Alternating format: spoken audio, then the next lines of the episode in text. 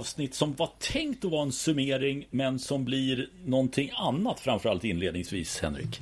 Ja, definitivt. Eh, det har ju slagit ner en nyhetsbomb som vi ju bara måste ta hand om. Ja, det går inte, det går inte att undvika och, och det var märkligt. Jag satt och fick det här i en WhatsApp-tråd. Fick jag att Micke Ymer drog sig ur Gerstad. Ja, det var bara noterat. Och sen så kom det liksom följd på den och så klickade jag upp den och så började jag läsa. Vad fan är det som har hänt här? Eh, och det verkar ju inte ha varit ensam om heller att eh, fundera över. Nej, alltså det, det, det, här, det som är en av många anmärkningsvärda grejer eh, som har kommit fram idag är ju eh, det faktum att ingen tycks ha vetat om det här överhuvudtaget. Eh, det, här, det här har pågått utan någon, liksom, någon medias vetskap överhuvudtaget. Nej, för den här är ju lite lurig. Alltså det, det, här avgjordes i fjol i ITFs högsta instans. Mm. Eh, där Micke friades. Eh, men sen har alltså Internationella Tennisförbundet överklagat det här till CAS. Ja. Eh, och sen har det varit uppenbarligen och enligt den information jag fått så var det liksom det, det damp ner. Ingen så här att det skulle komma något visst datum eller sådär. Nej, utan det, det, har bara kommit ett slutgiltigt beslut därifrån helt enkelt. Ja. Ehm, och eh, när det väl har beslutats i KAS, då finns det ju inte så himla mycket instanser kvar att överklaga till. Nej, det, det enda som jag lyckades eh, sniffa mig till det är att det är eh, juridiskt misstag. Om det har begåtts något sånt så finns det en möjlighet att överklaga. Eh, men i övrigt så är ju det här den sista instansen. Ska vi gå, ta en genomgång bara vad det, exakt vad det är som har hänt? Ja, nummer ett så ska vi vara väldigt tydliga med. Han har inte ertappats med något dopningspreparat eh, på något sätt.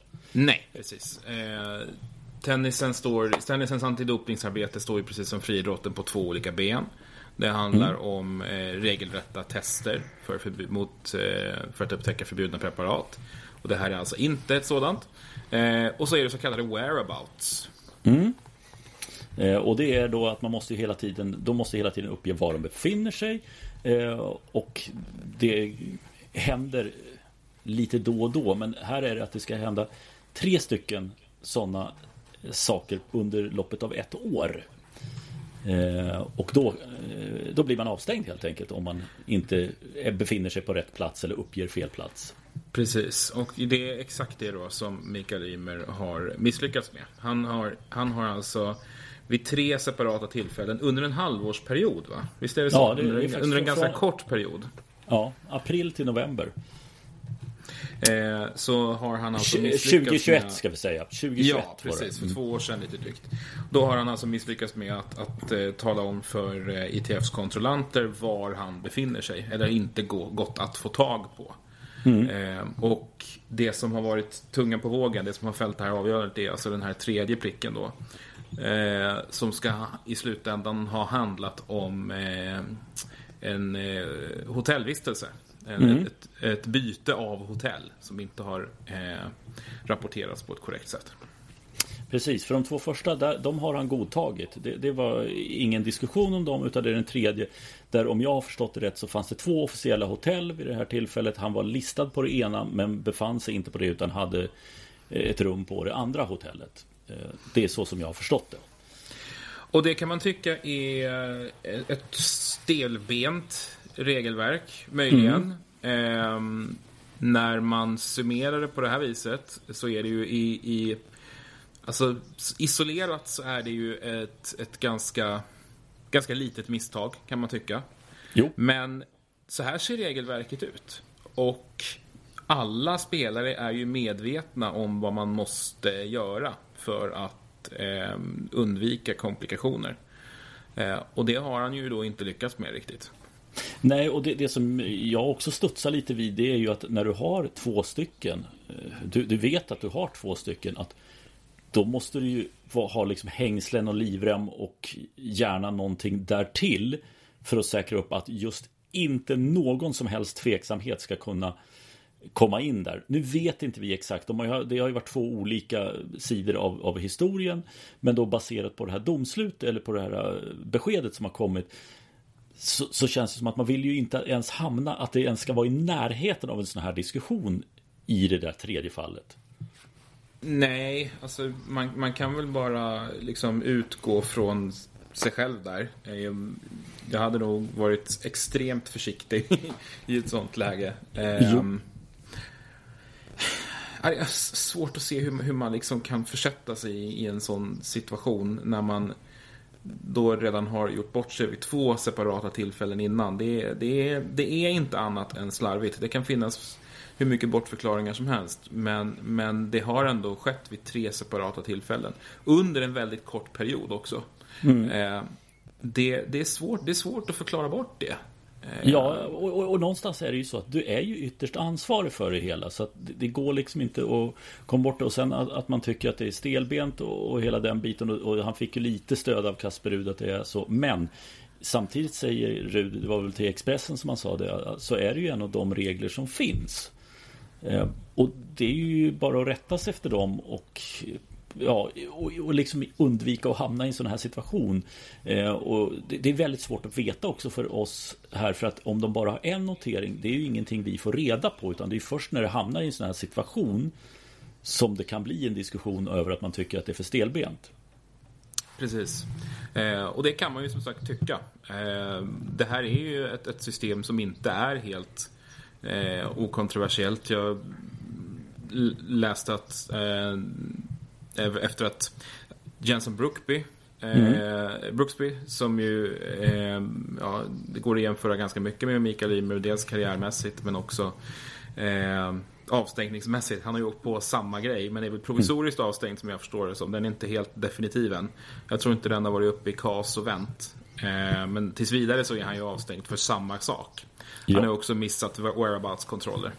Eh, och eh, Daniel Medvedev var ute och, och eh, eller fick frågan tror jag på en presskonferens om vad han tyckte om det hela och sa att ah, men det, det, det är tufft liksom. Det, det, är inte, det, är inte, det, det, är inte alltid det här känns hundra schysst. Ehm, men, men samtidigt så är ju ja, reglerna är ju som de är.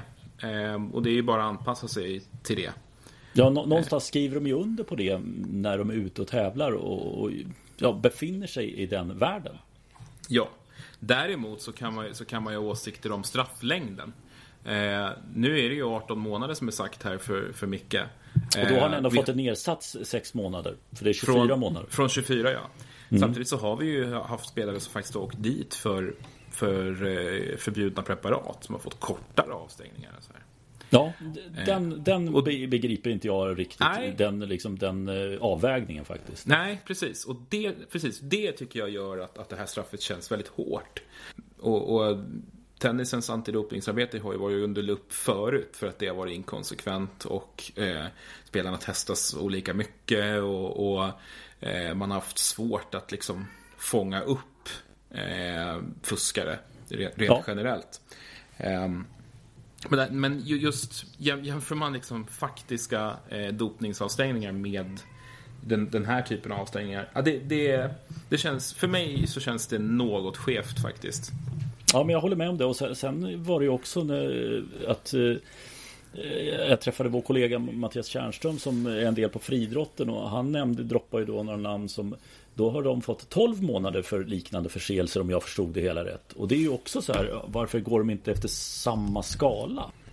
Eh, så att nej, det, det är eh, otroligt eh, Ja, det, det, är en bedrövlig dag för, för Mikael Iber framför allt Men även för svensk tennis Om vi börjar någonstans då Vad, vad tror du Gäller för, för Mikael Ymer här framöver?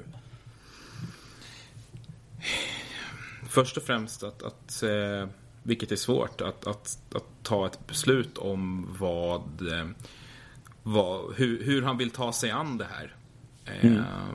Vad han vad han ser framför sig. För att nu krävs det en fruktansvärt målmedveten och fokuserad satsning för att kunna hålla igång mm. under de här 18 månaderna som han inte får tävla.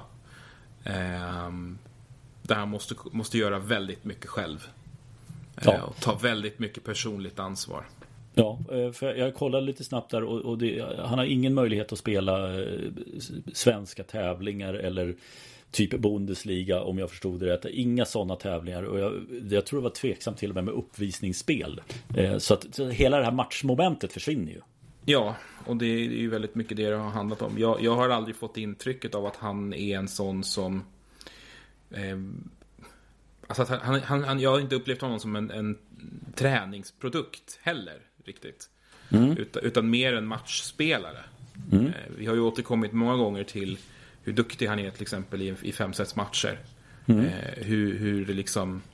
Att han, att han är en duktig matchvinnare när, det blir, när matcherna blir tajta och långa. Eh, och, och då nu, liksom, nu tas det ifrån honom det som han är så himla bra på.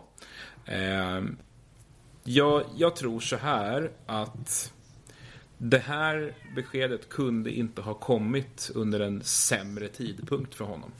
Varför då? Att, ja, men för att han är trots allt på sin karriärmässiga peak just nu.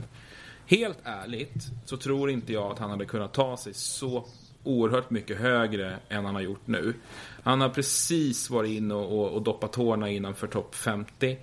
Och eh, han har ganska mycket poäng att försvara här i augusti. Mm. Eh, tittar vi på racet så ligger han någonstans runt 90. Eh, det hade, blivit, det hade kommit ett, ett, en liten dipp här under hösten. Um, och jag, jag, jag, tror att det är, det är, så svårt att sia om, men, men helt ärligt så tror jag inte att, att Micke hade kunnat ta sig in han kanske hade kunnat ta sig in topp 40 i allra bästa fall. Mm. Eh, inte så mycket mer. Och han är precis topp 50 nu. Eh, han, han, han, skulle, han var på väg in i sina bästa år som tennisspelare. Eh, jag tror att det kommer att bli väldigt svårt för honom att komma tillbaka på den här nivån.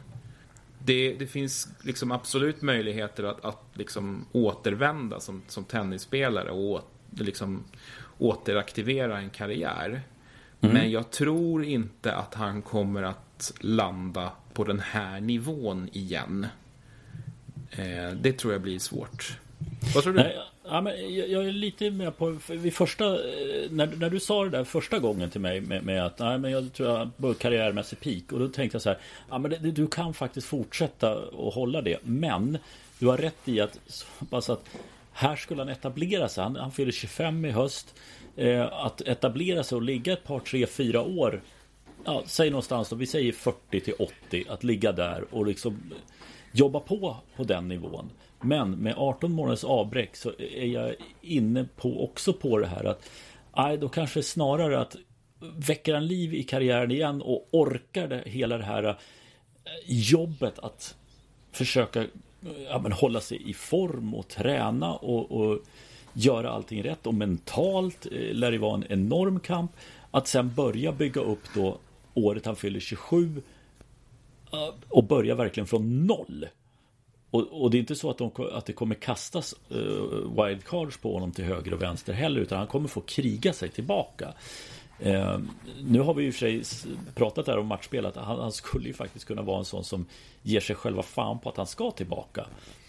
Och vi, vi, leker med tanken där, ja men då leker eller då tänker jag någonstans, ja men eh, tar han sig in topp 100 igen Ja, det är ju en otrolig bedrift då med, med, just den här 18 månader borta från tennis under sin ja, under sin delar av sin storhetsera. Ja, jag, jag, jag känner samma. Eh, tar han sig tillbaka topp 100, det, det är väldigt imponerande i så fall. Mm. Och, och, precis som du säger, den här... Alltså det är ju en, det är en fullständig reset. Ja. Eh, visst, han har kvar sina talanger som tennisspelare. Men hur mycket sponsorer kommer han ha kvar? Ja. Eh, hur, hur lätt kommer det vara att hitta eh, personer att samarbeta med? Ja. Eh, och som du var inne på, det är inte så att det kommer att kastas wildcard på en spelare som har varit avstängd för en, en dopningsförseelse. Återigen, viktigt att trycka på, han har inte tagit någonting otillåtet, men likväl är det ett brott mot dopningsbestämmelserna. Ja. Kommer en sån spelare att få så... Kom, alltså han kommer, det är inte, det är inte som när liksom Pim Pim gjorde en av sina en miljon omstarter liksom. nej. Eh, nej, och, och, det, och, det, är svårt och det blir ja, det, det är nästan future-nivå höll jag på att säga. Att få börja där bara för att få poängen, de första poängen. Eh, det är möjligt att han Ja, med, med, hans kapacitet så skulle han ju eh, kunna skratta sig igenom ett antal sådana förstås. Men du måste göra då den resan också. Och, och det är som sagt det, är att kliva ner från, från högsta ligan ner ganska långt ner i vegetationen. Och det är ju också, kräver ju också sin skalle för att, för att klara av. Ja, alltså det, det är tufft på alla sätt. Alltså en, en, en Micke Ymer som har varit borta i 18 månader. Jag, jag betvivlar inte att han har kapacitet att, att liksom krossa spelare på future-nivå. Det kommer han nog fortfarande kunna göra. Oh ja. men, men, men det är allt annat. Det är liksom eh, det, är, det är längre och jobbigare resor. Det ja. är sämre hotell. Eh, det, det är liksom organisation kring turneringar som han inte har behövt befatta sig med på väldigt länge. Ja. Eh, och det allt det här kommer han behöva bekosta själv, sannolikt. Ja. Eh, det är den investeringen också. Och sen så är det matcher som...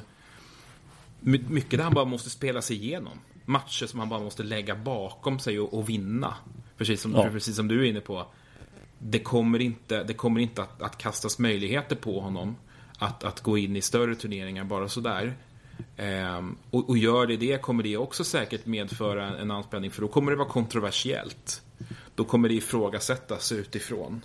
Jag menar om han till exempel skulle få eh, ett wildcard till Stockholm Open om två mm. år. Mm. Eh, det, det, det, skulle ju rendera en, en hel del negativ uppmärksamhet. Eh, inte för att han, med tanke på de senaste år som har varit, är på något sätt ovan vid det. Nej, men, nej. men, det är också en, någonting att ta, ta i beaktande. Eh, och så ska du ta den chansen. Ja, nej, det, det kommer att bli en, en mycket tuff väg tillbaka. Ja, eh, det, det är otroligt tråkig personlig grej för, för honom. Eh, sen liksom i grunden så är det så att han är ansvarig så det går, det går ju inte att vända sig mot någon annan. Agenten har ju en del i det hela men agenten är ju anställd av Mikael Ymer för att mm. då sköta den typen av grejer. Så det, det, men det är fortfarande hans ansvar ytterst. Går inte att komma ifrån. Eh, och domslutet är vad doms, domen är. Ja, det, det, är oerhört svårt och sen får man inte glömma bort att det här får ju liksom följdeffekter också om man tar det lite större eh, perspektiv. Eh, så är det ju svensk tennis är det här en, eh, ja, en stor förlust för han har ju varit väldigt, även om han har schismen med, med Nordea Open och deras organisation så Stockholm har det varit och sen har han ju ställt upp för Davis Cup-lag till exempel. Eh, där det finns en hel del pengar som eh, även går till förbundet. Eh, och det kommer ju bli avsevärt mycket tuffare för, för Svenska Tennisförbundet att hänga kvar där på gränsen till att gå till, det, till slutspelet i Davis Cup-sammanhang där det är mycket pengar. Alltså, det, det, det, ska han verkligen ha. Alltså sättet som han och, och, och hans storebror har, har presterat eh, i Davis Cup-sammanhang. Det har varit extremt imponerande. Det har varit mm. liksom, båda två har spelat sin bästa tennis kanske någonsin, de här matcherna som har varit. Och Sverige har, har, har liksom gått från att vara en, en eh, liksom, alltså en, varit nere i de absolut värsta gärdsgårdsserierna. Ja. Eh, var liksom gått från, från att liksom eh, ja, men, möta liksom Lettland, Irland och Bulgarien. Mm. Eh, till, till, att, till att vara uppe i det absoluta eh, finrummet igen. Eh, kanske kanske liksom högre än vad, än vad liksom, eh, vårt Davis Cup-lag på pappret eh, ska, ska ha möjlighet att, att mäkta med. Mm. Eh, och det är ju för att bröderna Ymer har överpresterat i, ja. i, i, många år. Alltså i, ja. i liksom, ända sedan båda två kom upp på, som seniorer så har, så har de, har de gjort, sina, gjort otroliga matcher i Davis Cup. Ja. Eh, och, och det här ut, utan sin bästa singelspelare så, så är det klart att Sverige kommer att dala på, på den rankingen också. Ja, det kommer det, bli kostsamt. Ja, det kommer, det kommer bli tufft för dem här till hösten först och främst och sen även nästa år. Då. Eh, så att det är, ja jag vet inte, ska vi, ska vi sätta någon form av punkt där eller känns det som att vi har någonting mer att vrida ur den där, Eh, ja, den söndertårade näsduken? Ja men, summeringen är väl som så att det är det finns, det finns väldigt många förlorare i det här. Det är bedrövligt tråkigt att, att, det, att det har hänt överhuvudtaget. Tråkig dag för honom personligen naturligtvis, framför allt. Eh, tråkig dag för eh, svensk herrtennis som helhet. Eh, som ju nu ser ut att förlora sin bästa spelare under en väldigt lång tid framöver. Och, eh, det, nej, det, det är himla, himla tråkig historia alltihop faktiskt. Ja, och det skulle inte som slut för mig skulle vara det skulle vara skönt att få att han vid ett tillfälle när han känner att han är redo att han faktiskt berättar sin historia om det här också. Eh, mer än, än den eh, tweeten som kom, vilket var ju förvisso eh, Ja, han, han erkände del, delar av, av det men inte hela vägen. Mm. Men att han får, får ge sin syn på det hela.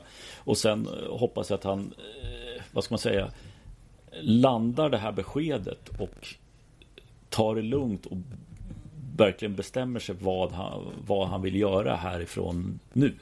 Mm. Eh, så att, eh, ja, nej, eh, som sagt, tråkig dag för Mikael Ymer och svensk tennis. Ska vi ta och vända blad och ska vi kliva in i Wimbledon? Ja, men det gör vi tycker jag. Ja. Det... Som vi precis har klivit ur. Precis. och där kan vi väl säga att du var rätt, jag var fel om vi tittar på den övre halvan. Vi var väl Medvedev var vi väl ganska överens om eh, till en semifinal. Jag eh, hoppades och trodde en hel del på Holger Rune men det fanns en kille som var något bättre. Ja men eh, den matchen såg man ju verkligen fram emot. Eh, Alcaraz och Rune. Jag tror att de båda två såg ganska mycket fram emot den. Eh, I och med att de har följts åt ganska mycket genom junioråren och verkar komma bra överens utanför banan. Men eh, Nej, det var inte mycket till snack där. Det var Nej. behärskat, kontrollerat av Carlos Alcaraz. Ja, framförallt då efter det första setets eh, tiebreak när, när han eh, som Alcaraz vinner och sen så följer han upp det och som säger kontrollerat på något sätt. Det, det var ja, Rune kunde liksom inte hitta det medlet som behövdes för att ja, få någon annan riktning på matchen. Nej, alltså det var, det var på något sätt som att han aldrig liksom riktigt kom loss. Vi såg, vi såg inte det av honom som, som vi har liksom upp, upplevt tidigare under turneringen eller liksom vid andra tillfällen heller. Det var som Nej. att han, liksom, han blev liksom kvar lite i startblocken på något sätt. Han, han, han, kom, han kom inte till sin fulla rätt. Nej, det gjorde han inte. Och, och eh, sen då vi, vi hade eh, om vi går neråt alltså Medvedev och, och mötte Chris eh, Eubanks. Eh, där var vi överens om. Samtidigt får jag lov att säga att Eubanks är inte långt borta från att faktiskt slå ut Medvedev också. Nu, nu klarar världstrean av det. Eh, men det krävs fem set. Eh, men en semifinal i Wimbledon för Medvedev, det tror jag egentligen att han åker därifrån ganska nöjd.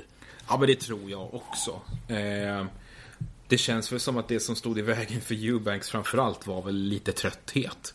Ja. Eh, han har ändå fått, fått eh, eh, spela väldigt mycket tennis och väldigt mycket bra tennis. Eh, han hade matchen mot Tsitsipas ganska mycket färskt i benen. Eh, och möter liksom en, en världsspelare till inom loppet av ett par dagar. Eh, och gör en alldeles strålande match. Ja. Annat kan man inte säga. Men jag tror att det är tröttheten fäller avgörandet och sen att Med, sen Medvedevs erfarenhet av att vara i, i den typen av situationer. Ja, ja men faktiskt. Och sen om, om vi spisar av även semifinalen. Eh, om du säger att det var kontrollerat så i kvarten för, för Alcaraz så är det ju ja, det, det, är, det är ju en nivåskillnad faktiskt i semifinalen. Ja men det kändes lite såhär blink and you miss it. Alltså det, mm. det, det gick fort. Eh, det var aldrig dramatiskt. Eh. Verkligen inte. Utan det där var eh, en spelare i full kontroll. Eh, och som du säger, jag tror att Medvedev var nog inte helt missnöjd med att eh, ha tagit sig sådär långt. Han trivs ju i grund och botten inte jättebra på gräs. Nej men han gör ju inte det. det, det, det den där matchen alltså, det är under två timmar på, på de tre sätten. Eh, och ja, men lite den känslan, nu går det inte att jämföra dem på, på något sätt i övrigt men hade Manariro eh, där tidigare under, under turneringen i andra rundan med Medvedev och där kändes det som att fransmannen, ja, men han kände att jag har inte det idag. Och det, det, det, blir, det blir lite fel att säga men Medvedev känner nog ganska fort att det här kommer bli svårt såvida inte Alcaraz tappar betänkligt i nivå eller får någon känning någonstans för att det ska vända. Det, det händer inte. Och då blir det liksom tre set som är runt halvtimme lång, ah, lite längre än en halvtimme långt. Två av dem i alla fall. Men aj, det, det, det, är aldrig nära. Nej, det är det verkligen inte. Eh, det, det, det, är en, det är en överkörning egentligen. Det är två spelare som, som befinner sig på helt olika plan vad gäller motivation i det läget. Och eh, enorm klass på Alcaraz insats. Så han liksom städar av en tredje sidad spelare i en semifinal. Ja, eh. ja det, det, det är... Ja, det, det, det, är en nivå som, ja vi kommer till det. Eh, vi flyttar neråt och där hade vi väl ganska överens om att Jannik Sinner skulle nå en semifinal. Eh, han släpper set mot Safiulin. Eh, inga konstigheter där. Om vi tar nedre, det är väl också bara att stöka av att Rublev, vi var väl inne på det att han kan ta ett set på Djokovic och det var precis det han gjorde. Mm. Sen var det liksom ingen snack om saken. Eh, I semifinalen av Sinner förra året hade 2-0 set på Djokovic. Det var inte nära. Det var total kontroll från Djokovics sida också. Så att rent logiskt då, även om jag hade Rune där så, så var det ju de två spelare som eh, dominerar världstoppen just nu egentligen. Som möttes i den här finalen, vilket kändes ju helt rätt när de väl stod där på söndagen. Ja, alltså visst, som du säger, det här tappade sättet mot Roblev. Det är knappt som man vill räkna det egentligen. Det kändes, det kändes ändå inte särskilt allvarligt. Eh, sättet han liksom slår tillbaka där och vinner följande med, med 6-1. Han är ju egentligen aldrig hotad. Och han har ju så mycket större spel än vad Roblev har också. Eh, och inte heller mot Sinner så blev det ju egentligen särskilt dramatiskt. Liksom. precis som sättsiffrorna antyder. Så är det liksom en Djokovic som, som gör precis så mycket som han behöver. Ja. Eh, mot, mot Sinner. Eh, visst, italienarna växlar upp lite grann i tredje och försöker ändå hitta på någonting annorlunda. Men det är just den dimensionen i hans spel som jag tycker är, den är för dålig. Eh, det, det här, han är ju en spelare som går till jobbet. Han är en spelare som, som man tycker gör väldigt mycket vad han ska. Men, men han, han, saknar ju det här lilla extra. Han saknar lite killer instinct. Han saknar liksom lite matchhjärna. Eh, han saknar lite att liksom ja, men, att, att, att liksom på egen hand kunna ändra matchbilden. Utan nu är det fortfarande så att han är väldigt mycket en, en spelare som, som kommer liksom till en match med det spel han har. Och sen så får vi se hur långt det räcker, typ. Mm. Ja. Eh, och sen får man då säga han hade två setbollar i det tredje setet Sinner. Eh, och det är ju sånt också. Det är lätt för oss att sitta och säga men där är ju chanser som du måste ta. Eh, det gör han inte och sen så vinner Djokovic i tiebreaket på första matchbollen. Eh, och, och, och, det blir liksom också att Djokovic styr ju verkligen det där dit han vill. Precis det, du är inne på det att han städar av det. Jo men han gör det för att han är så pass bra, han är så pass trygg. Och har den kontrollen, känner väl det ganska tidigt också att det här kommer kunna rulla på. Det här, det här har jag. Eh, om jag liksom bara håller mitt fokus som jag kan göra för det mesta. Ja men precis. Och eh, jag, jag svårt liksom med, med Tittar man liksom statistiskt över den där matchen, liksom, det, det, det, det, ser inte för, för tokigt ut för Sinners del i alla fall. Han servar ganska bra. Eh, han, han, gör liksom inga, inga inte, inte någon extrem mängd misstag. Eh, men men liksom, det, det han behöver jobba på, liksom, det går bortom liksom, statistik eh, och, och grundslag. Utan det, det, det handlar om att liksom, på något sätt försöka slipa in eh, nya matchplaner och, och, och, att liksom kunna, ja, men, kunna, kunna liksom ta rätt beslut vid, vid rätt lägen. Och, och kunna överraska lite ibland. Mm. Eh, det, det, det är kanske framförallt det. Ja, man, man, får notera där, alltså, han hade två setbollar där. Han hade totalt sex breakmöjligheter under matchen. Han lyckas inte utnyttja någon av dem. Nej. Också en sak som man, ja, det gör skillnad. Mm. Verkligen.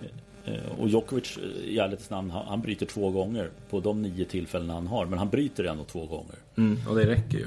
Ja. Och han vet ju, också, han vet ju också exakt hur mycket han behöver gasa.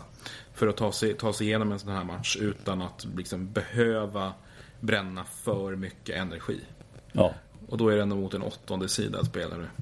Ja, det, det, det, är, det är en skillnad där i toppen. Verkligen. Eh, om vi flyttar fram då till, till finalen. Det här var mm. ju Alltså vi, vi, minns ju där när, när Djokovic var nära en kalender eh, slam eh, Att det var en hel del fint folk på läktarplats Och det kan man ju inte säga annat än att det var rätt eh, kändistätt på läktarplats i London också Ja, eh, det får vi, får ja. verkligen säga. Kungligheter, tidigare storspelare, eh, Hollywoodkändisar i form av Brad Pitt bland annat.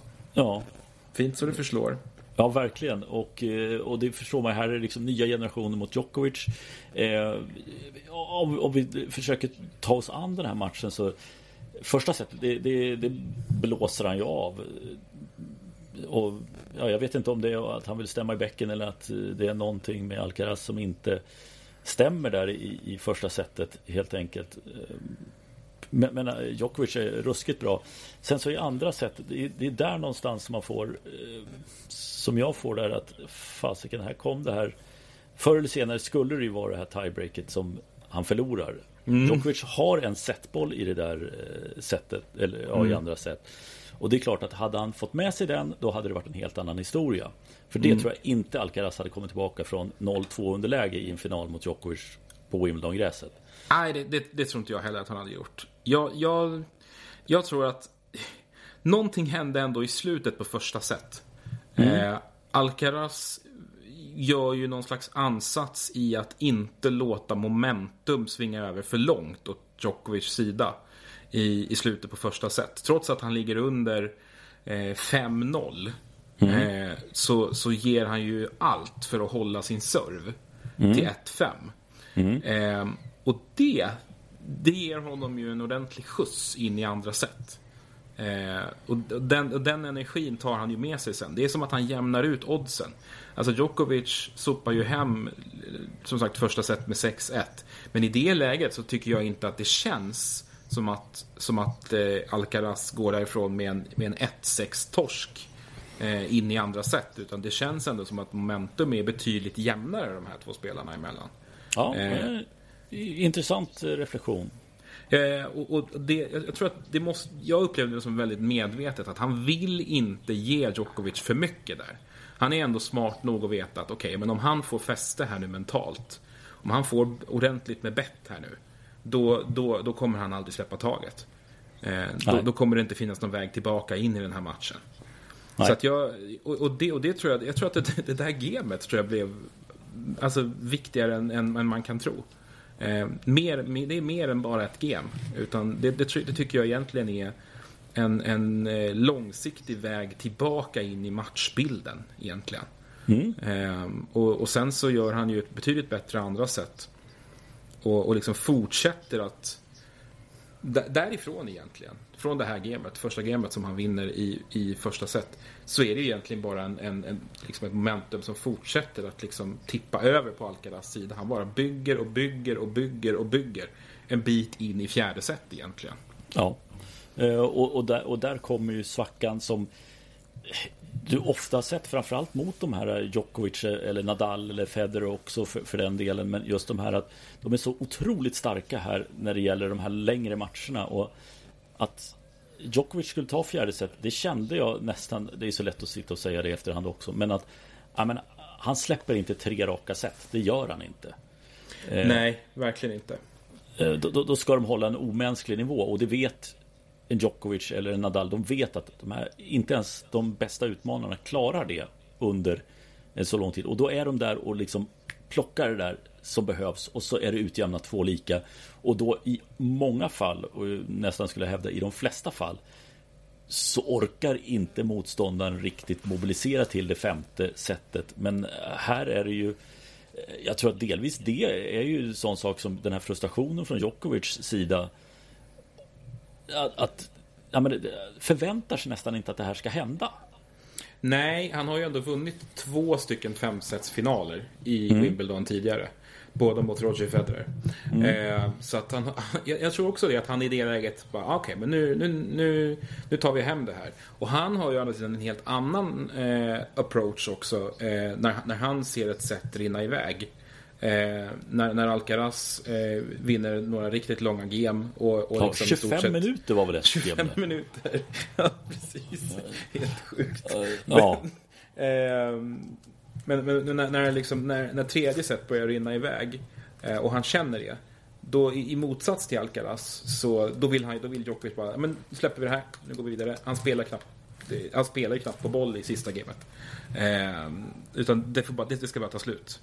Eh, och så tar han ju ett långt toa-break där.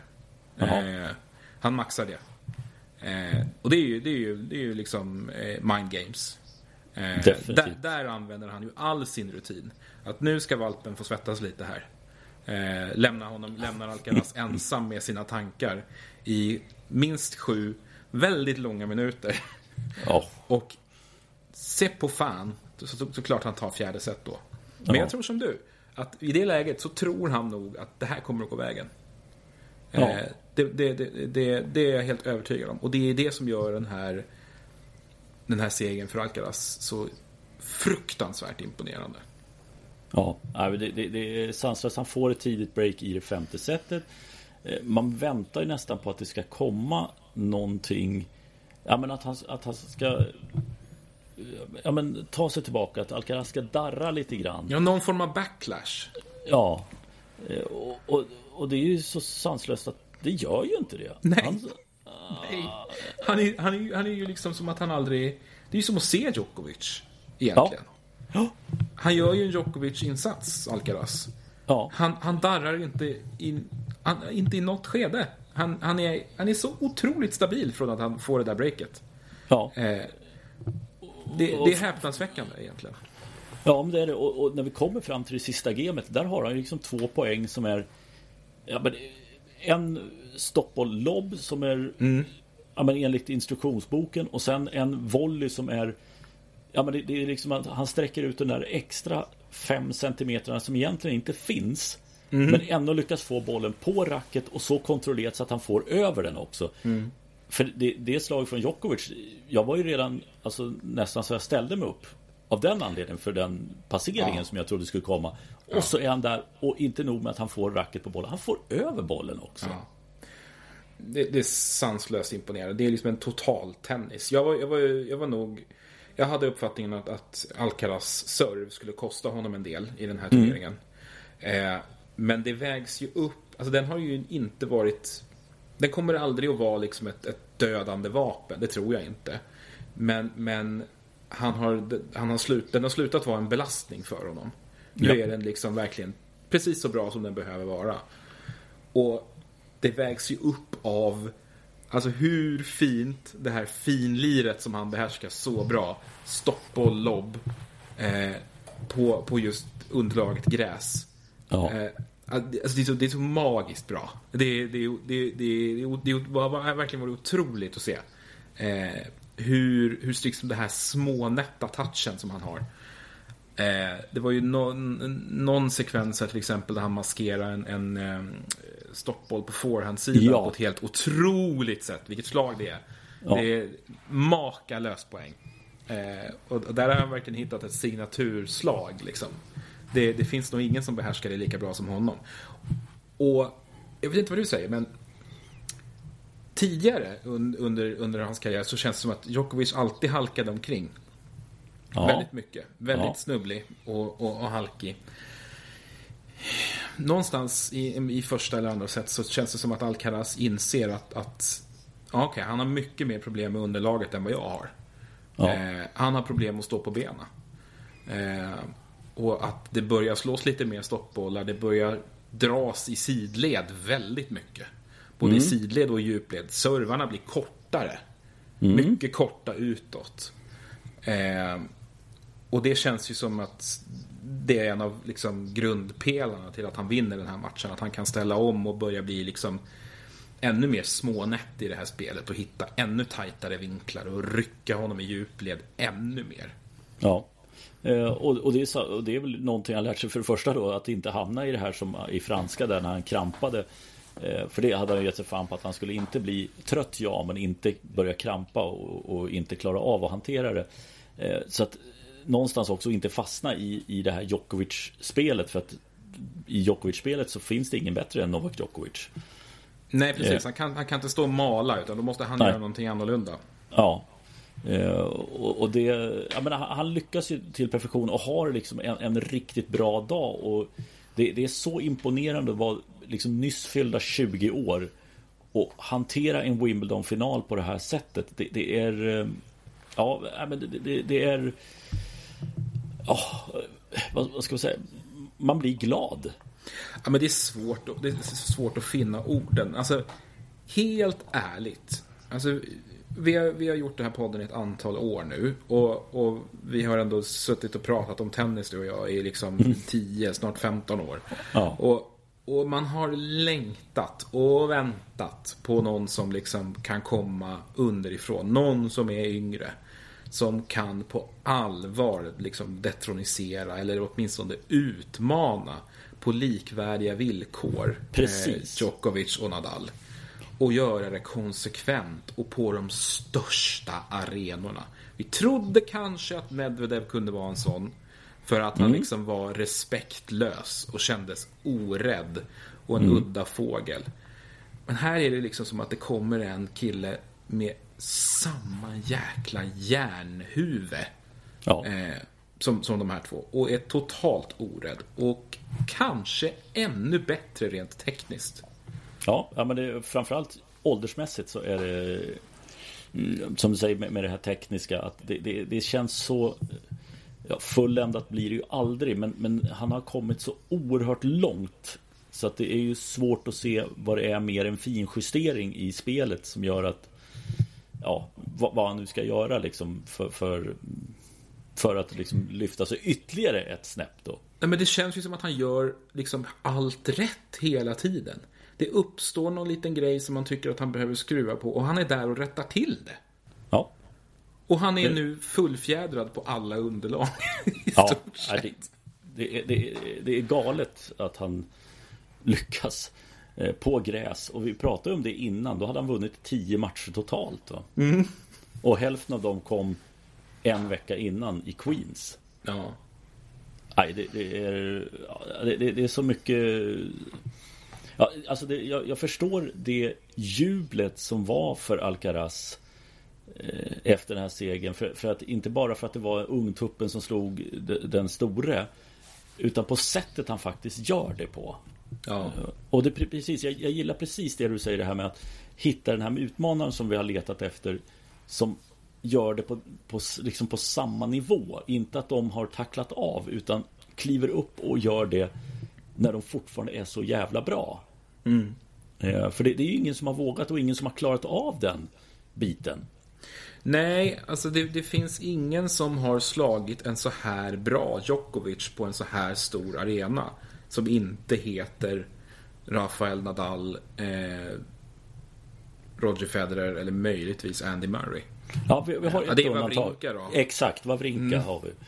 Eh, men, men det, var, det var ju aldrig tal om att han skulle kliva upp på den nivån utan Wawrinka, Nej, det är ju, alltså, en... Wawrinka var ju en pausfågel. Alltså, han, han, han var ju liksom en, en spelare som man, man ja, men lärde sig ganska tidigt att ah, okej, okay, det, är, det är en turnering det handlar om nu. Och sen kanske ja. det kommer en till om ett, ett år eller två. Det är ju ingen, ingen som, som kunde dominera över tid. Han har väl knappt vunnit en master. Så att eh, det här är ju någonting annat. Det här är ju en, en, en dominant. En, en, en framtida Alltså han är ju redan superstjärna, han är ju redan historisk. Som liksom yngsta världsettan genom tiderna. Eh, mm. han, han, han kommer förmodligen att, att liksom... Ja, jag vet inte om vi kan beteckna honom som favorit inför US Open, men, men eh, han, kommer ju, han kommer ju vinna så många sådana här turneringar om han får hålla sig frisk. Så är det ju. Precis. Eh, ja, men det, det verkligen är, är ju den, den biten och det, det, kan vi väl återkomma här till. Men, eh, nej, men det, det, går liksom inte att säga någonting annat än att det där var Ja, det, var en uppvisning som eh, vi brukar ju säga att det är så här som man sent kommer glömma. Men det här kommer kunna vara eh, framförallt om Alcaraz håller sig hel och kliver in i en ny era. Inte att han springer hem varenda slam framöver. Men eh, att det kan bli det just det här tronskiftes eh, tronskiftesmatchen. Som det faktiskt skulle kunna bli. Ja, Precis, det, det, det, skulle det absolut kunna bli. Jag har en aspekt till som jag skulle mm. vilja plocka upp mm. från själva matchen. Mm. Eh, publiken. Ja. Eh, vi har ju haft många stora matcher där de inte har varit på Djokovics sida. Eh, bland annat en, en eh, ATP-slutspelsfinal för, för några år sedan där det var, var riktigt påtagligt. Eh, det här känns ju som att... Det här var, det här var nästan plågsamt hur lite folk han hade bakom sig eh, under den här matchen. Eh, ändå liksom den, den kanske största i, i, turneringens historia. Den största ja. genom alla tider. Men ingen vill se honom vinna. Det, det, det, var ett riktigt plågsamt ögonblick när han försökte veva igång publiken i första set och lägga handen bakom örat och liksom får ingenting tillbaka. Nej, det, eh, och det, det, det, jag, det, vi har ju pratat om det tidigare också. Det, är på, på, något sätt lite sorgligt att han inte får mer uppskattning från publiken. Och det, är väl för att han har varit så bra helt enkelt också, får man inte glömma bort. Eh, men sen också, ja men folk älskar en underdog och här kommer en kille som är 20 år. Jag tror att hade Medvedev varit final så tror jag inte det hade varit samma sak. Eller ja, knappt ens Holger Rune heller. Att det hade... Alltså då hade han haft mer stöd i ryggen. Men, men just när det var Alcaraz som det har pratat så mycket om och han är rätt spektakulär och så. så ja, men det, publikstödet krymper så mycket och det, det, är oförtjänt lite han får faktiskt. Mm, definitivt. Eh, och det, ja, det, det, är fel att säga att man, man lider med en kille som har vunnit så många slams. Men just den lilla aspekten kan jag tycka också är, känns... Han får för lite uppskattning för den fantastiska spelare han är och har varit genom åren. Ja, men så är det. Uh, han, han, är värd mer, mer beundran och respekt än, än vad han får. Um, och det kanske är så att, att liksom folk kommer inte att sakna honom förrän han är borta. Um, och, och, kanske först då liksom upp, uppskatta honom på allvar. Um, och det, det, är ju återigen det här att han är ju liksom född in, in, i, in i fel era. Om ja. man kan säga så. Han jämförs hela tiden med, med de två mest älskade spelarna i, liksom, i historien. Mm. Um, och, och, det ligger honom alltjämt i fatet. Och, och nu, är, och nu vill liksom merparten bara se honom plockas ner och detroniseras. Ja. Um, så det är... Uh, ja, det, det, är liksom... Det, det, det, är tråkigt på så sätt samtidigt som jag fattar att många är sugna på att, på att liksom se en ny stjärna tändas på allvar och, och en, en ny dominant kliva fram. Och mm. Alcaraz besitter ju väldigt mycket av de här kvaliteterna. Alltså den här känslan av liksom oövervinnelighet och kombinerat med ödmjukhet. Eh, det, han känns liksom enorm samtidigt som han är anspråkslös på något sätt. Mm. Eh, det, det, är svårt, det är svår, svåra egenskaper att lära ut liksom. Ja, så är det ju faktiskt. Jag hittade en intressant grej. De spelare, aktiva spelare som har plusstatistik på Djokovic. Mm. Eh, det var en fin lista. Eh, I, I vanliga matcher så var det fyra... Eh, första, Jiri Veseli, där vet vi att han har gått bet två gånger. En gång var väl i Monte Carlo i alla fall vad jag minns. Och sen var det väl på Balkan den andra gången. Mm. Dan Evans har 1-0. Mm. Taro Daniel har 1-0. Eh, Nick Kyrgios har faktiskt 2-1. Eh, mm. Men sen är det intressant för sen är det de två ungtupparna. Det är Holger Rune och Carlos Alcaraz som har 2-1. Mm. Det är lite spännande. Ja, det är lite spännande. Sen, sen kommer det till, sen eh, hade de brutit ner det ännu mer här så de hittar. I slams är det bara två spelare som har plusstatistik på Djokovic. Kan du, skulle du kunna gissa det till, ja en borde du kunna ta. I slams? Ja. Rafael Nadal. Ja, precis. Eh, Nadal 11-7. Den andra däremot, det, det är ju, han dansade en, eh, en sväng i Paris för ett par år sedan. Då är det ju, då är det ju inte Wawrinka. Nej. De har bara mötts en gång i slamsammanhang. Det var alltså en gång i slam. Nej, du får ge mig den. Cecchinato. Ah, Ja, just det ja. Den, den turneringen. ja, precis den turneringen. Förträngt. Ja. Eh, det var då vi var ganska överens om att, att liksom, det kändes som att hela, hela touren var på väg åt helvete. Eh, Vi ja, hade liksom ty- haft Kyle Edmund och Jon Chung där och långt fram i Australian Open något år och så kom Cecchinato och Kevin Ja. Anderson var och spelade dubbla Ja. finaler och man bara säger vad är, det som, vad är det som händer? Vi vill inte vara med, om, vi vill inte vara med längre. Det här är inget roligt. Nej, det var tur att det, det stoppades, det, det, det, haveriet. Ja, det är roligare nu, måste jag Ja, säga. Det är mycket det är roligare nu. Och jag ska lägga till en sak till. Det finns de, de aktiva spelare med en positiv i femsetsmatch, alltså i en match som har gått till fem set. Eh, då är det Alcaraz, Alcaraz 1-0. Sen var det två jävligt intressanta namn. Fernando Verdasco. Eh, Som har eh, aldrig har klarat av att hantera nerverna. Han har 1-0 på Djokovic i femsetsmatcher. Och Dennis Istomin. Uzbekistans finest. Ja, Dennis Istomin. Han håller igång, som jag, så jag förstår det. Ändå. Ja, ja, gör han det? Det är han och Kukushkin som åker runt och harvar någonstans. Eller om han har lagt av nu. Han har fortfarande Ja. ranking. Men det kan vara så att han typ la av efter säsongen i fjol. Ja, men jag Han fyller inte han... 37 i år.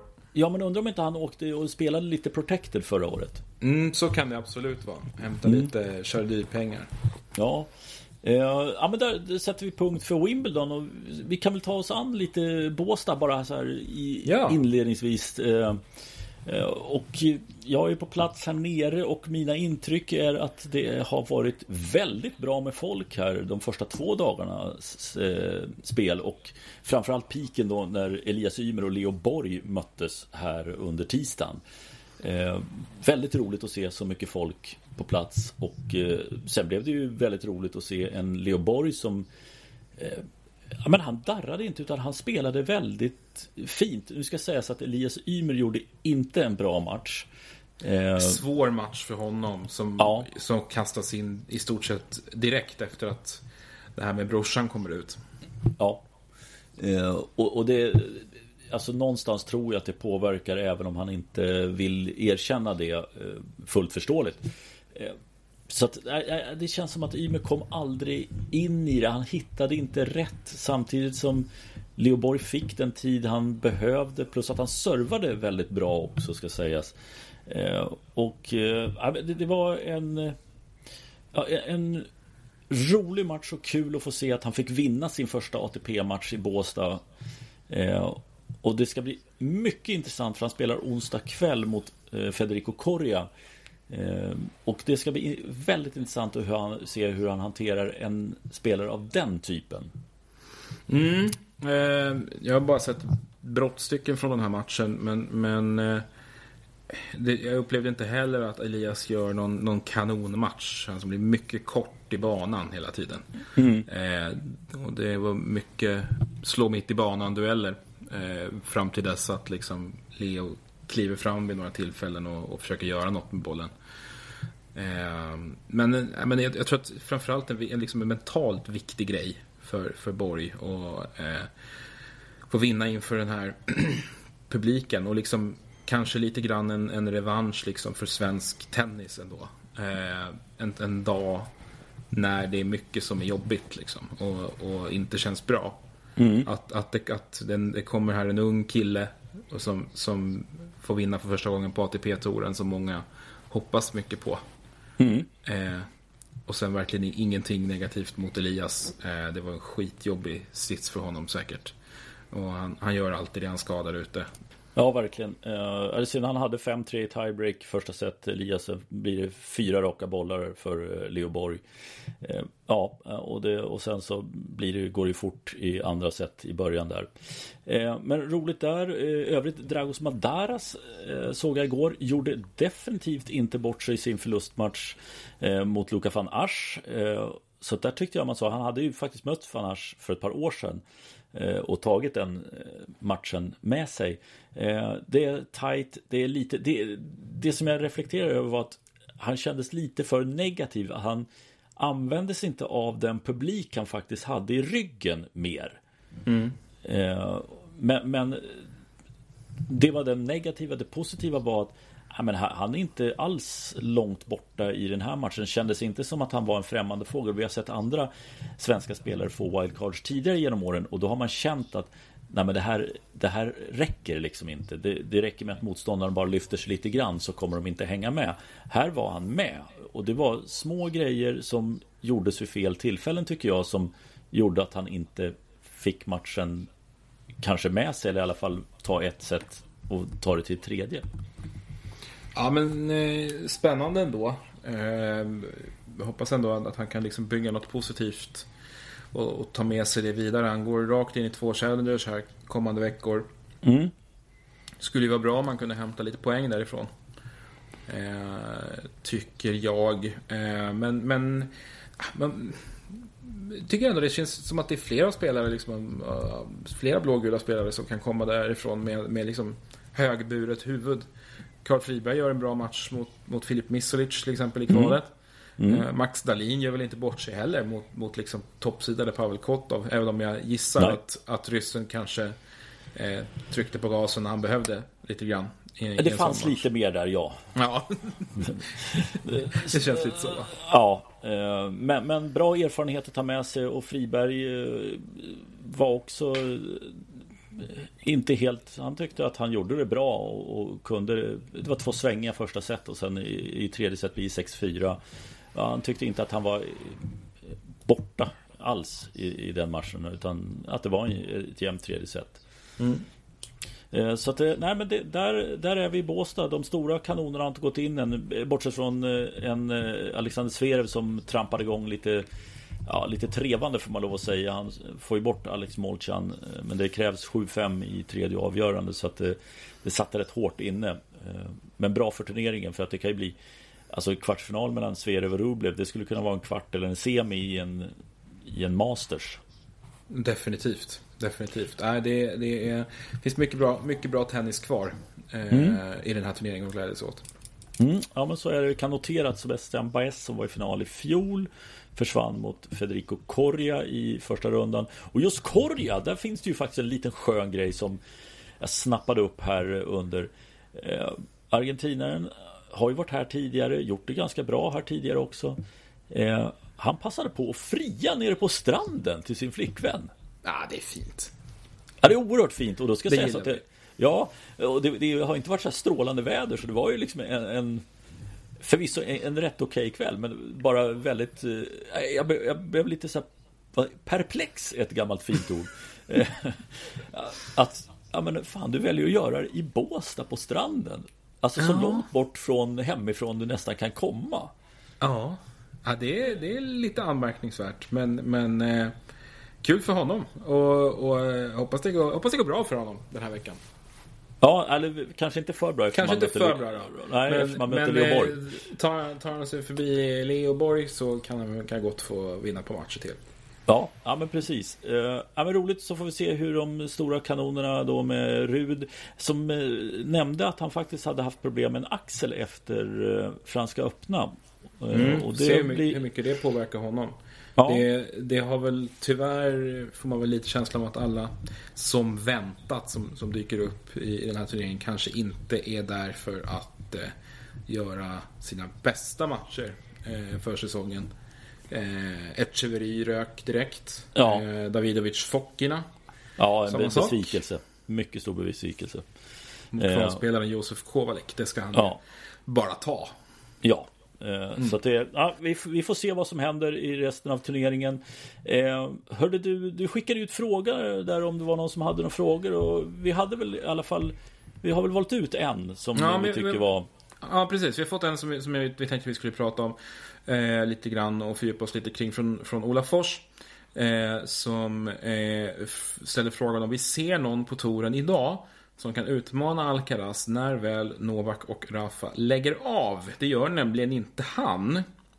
Eh, och där var vi, vi diskuterade lite fram och tillbaka och kom överens om ett namn i alla fall. Det som, det som stack ut för oss eh, och som ju skulle kunna vara en potentiell utmanare är, eh, det är Holger Rune. Mm. Han har väldigt mycket att tycka om mm. i, i sitt tennisspel och i sin liksom, eh, hela, hela uppenbarelse. Han, han, har ett grymt stort spel i sig. Han har redan vunnit eh, mot de allra största och eh, har gjort det i stora sammanhang. Och han är väldigt ung fortfarande.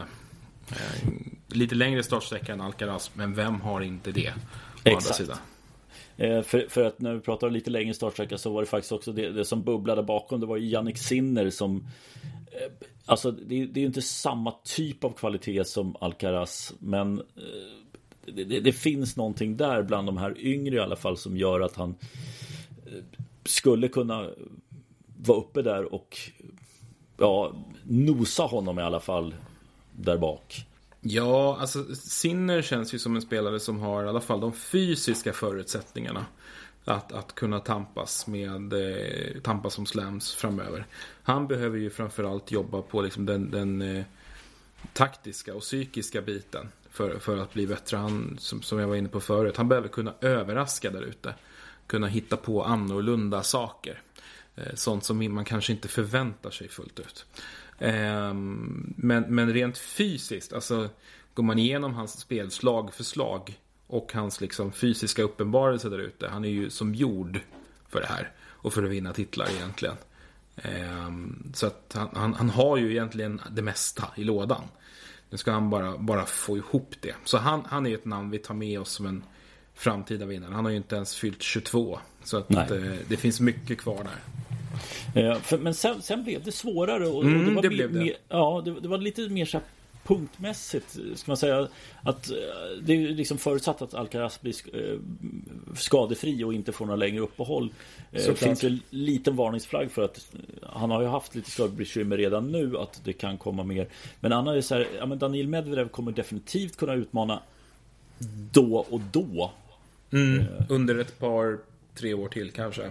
Ja, eh, och sen var vi inne på, jag, jag var mer inne på att Ja, det skulle kunna vara om någon av amerikanerna här som inte har gjort... Ja, Fritz har ju, har ju faktiskt sett eh, nästan till bedrövlig ut på gräset.